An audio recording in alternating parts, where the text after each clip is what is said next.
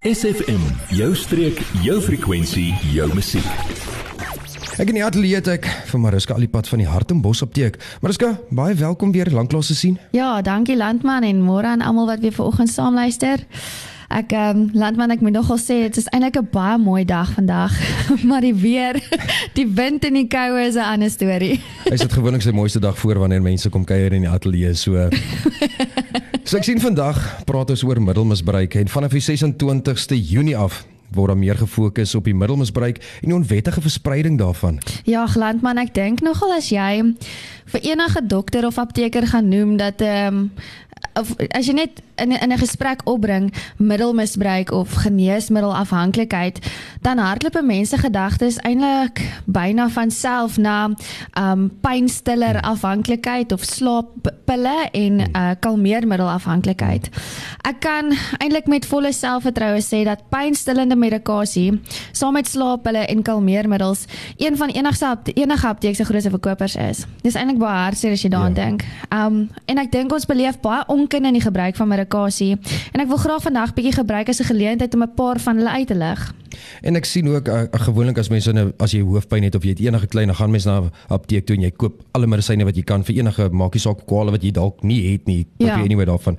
En maar ek skal verduidelik ons wat wat is kodeïne en wat kom dit voor en waarvoor gebruik mense dit? So kodeïne is nou deel van jou van 'n opioïd familie. Hm. Dit is 'n pynstiller soos ons dit ken, kom in baie algemene medikasie voor, soos jy nou genoem het. Jy kom in die apteek en koop net wat jy nodig het vir iets wat jy dalk dink jy gaan nodig kry.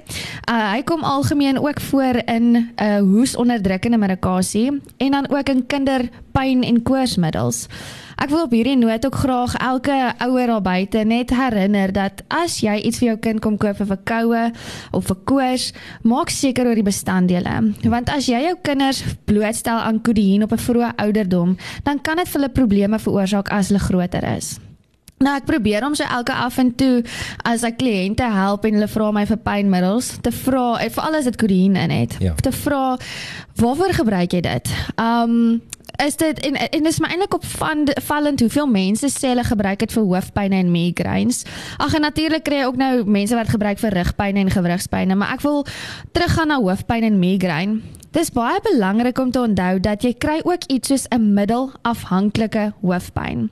So nou eintlik wat dit beteken is is jy gebruik, jy kom in die apteek en jy het nou hoofpyn, jy koop nou vir jou ietsie sonder enige konsultasie kry nou sê maar 'n produk wat kodeïn bevat, um begin dit te gebruik, jy gaan jou hoofpyn weg nou weer op. Of jy gebruik dit dalk vir 'n dag of twee net vir ingeval.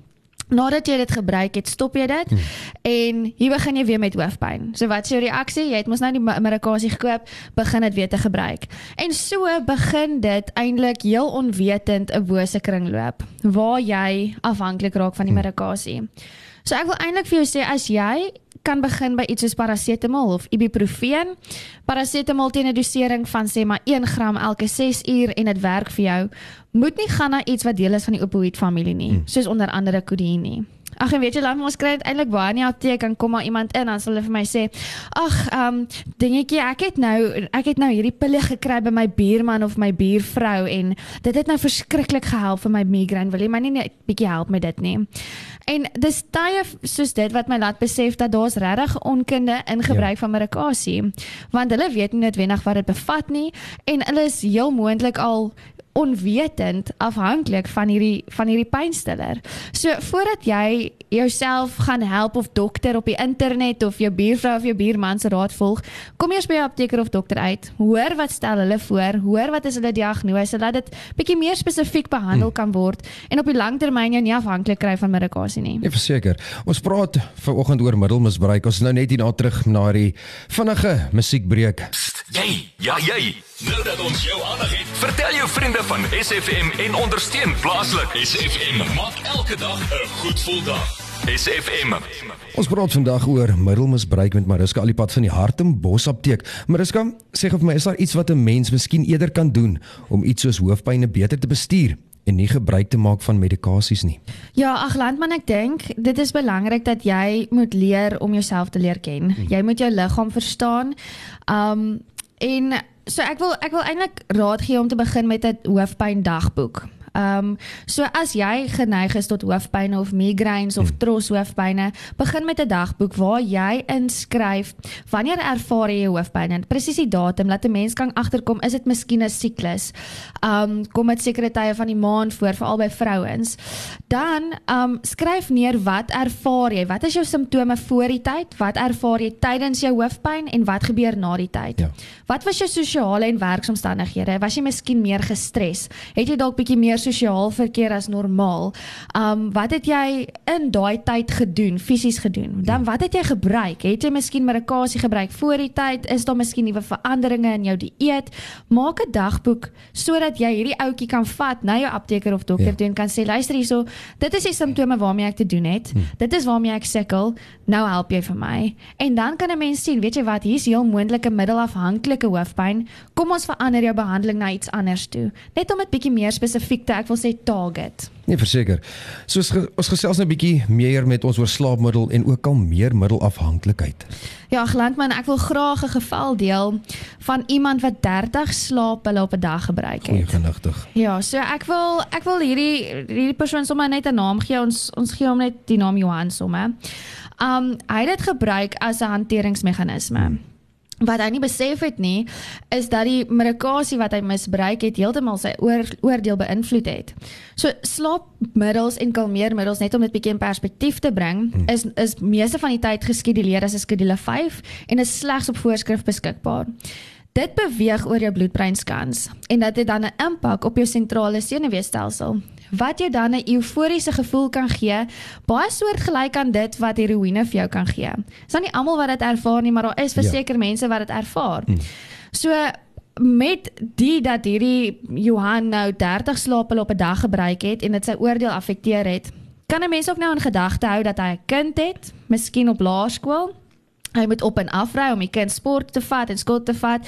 Hy kom met klomp mense in kontak op die pad mm. met die kinders. So hy stel soveel mense se lewens in gevaar. Nee, verseker. En um gelukkig het dit 'n positiewe uitkoms gehad. Hy het gekom tot rehabilitasie en ek het toe vir Johan in die apteek gekry en bietjie met hom gesels oor hoe kan ons as gesondheidswerkers die nood vir iemand raak sien in so 'n geval juis laat dit nie gaan tot 30 slaap hulle op 'n dag nie. En sy woorde aan my was die oomblik wat iemand reeds op 2 slaap hulle per dag of per aand is hm. of hulle klaar dat hulle medikasie nie meer voldoende is nie. Dit is wanneer jy moet weet. Dis wanneer jy moet intree as gesondheidswerker of as familielid om te ja. sê weet jy wat? Kom ons gaan soek vir jou kom ons gaan soek vir jou ander hulp of raad want dit werk nie meer vir jou nie. Hm. Jou liggaam het 'n mate van 'n toleransie opgebou en dit is net wanneer jy onskuldig en onkundig begin medikasie misbruik. So indien jy die vrymoedigheid het om met jou dokter of jou apteker te gaan gesels, gaan doen dit asseblief. Ons is daar om raad te gee, ons daar om jou te help, ons daar om jou gesond te maak. Daar is natuurlike alternatiewe. Indien jy nie noodwendig hierdie vrymoedigheid het nie, wil ek ook maar net vir jou sê daar is rehabiliteringsmoontlikhede. Jy kan Sanka kontak. Dit hulle is reg oor die land, maar spesifiek in George hmm. is daar 'n kontaknommer wat ek kan gee. So ek gaan maar net sê en ek sal hom weer aan die einde herhaal.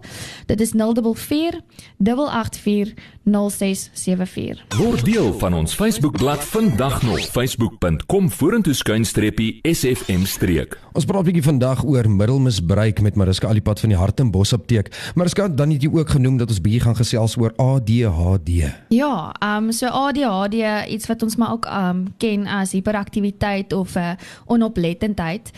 En um Ek wil eintlik vir jou net 'n 'n prentjie skets van die hmm. tipe kinders waarmee ons te doen kry in die apteeklandpan. Ons het 'n hmm. um ons het eintlik so lekker lokvel daar by die resepteringsarea en die ouers sien dit al as 'n nagmerrie want as hulle kinders in die apteek inbring dan weet hulle presies waartoe om te hardloop om die speelgoed te kry. so daar's so lekker speelgoed raak daar agter in die resepteringsarea. En hier kry ons te doen met kinders wat besig is. Jy kry nou daai tipiese bedrywige bytjies wat op die toonbanke klim en vra: "Tannie, waarmee is jy nou besig? Wat ek jy daar? Ja. Wat haal jy hier uit? Is dit myne?" En dan, "Wat is hierdie? Wat maak hierdie apie? Hoe werk hierdie ding?" So dit tipiese besige hardloop op en af in die apteek. dan kry jy nou die kinders wat um inkom en dadelik begin met aandag en mamma, kyk hierso. Ja. Pappa, ek wil hierdie hê. Wat van hierdie? Hoe lyk dit vir jou?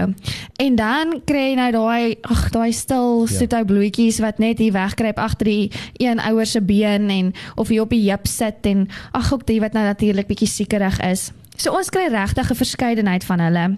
Maar nie almal van hulle is op ADHD medikasie nie, ja. want uh, dis klomp verskillende persoonlikhede waarmee jy te doen kry.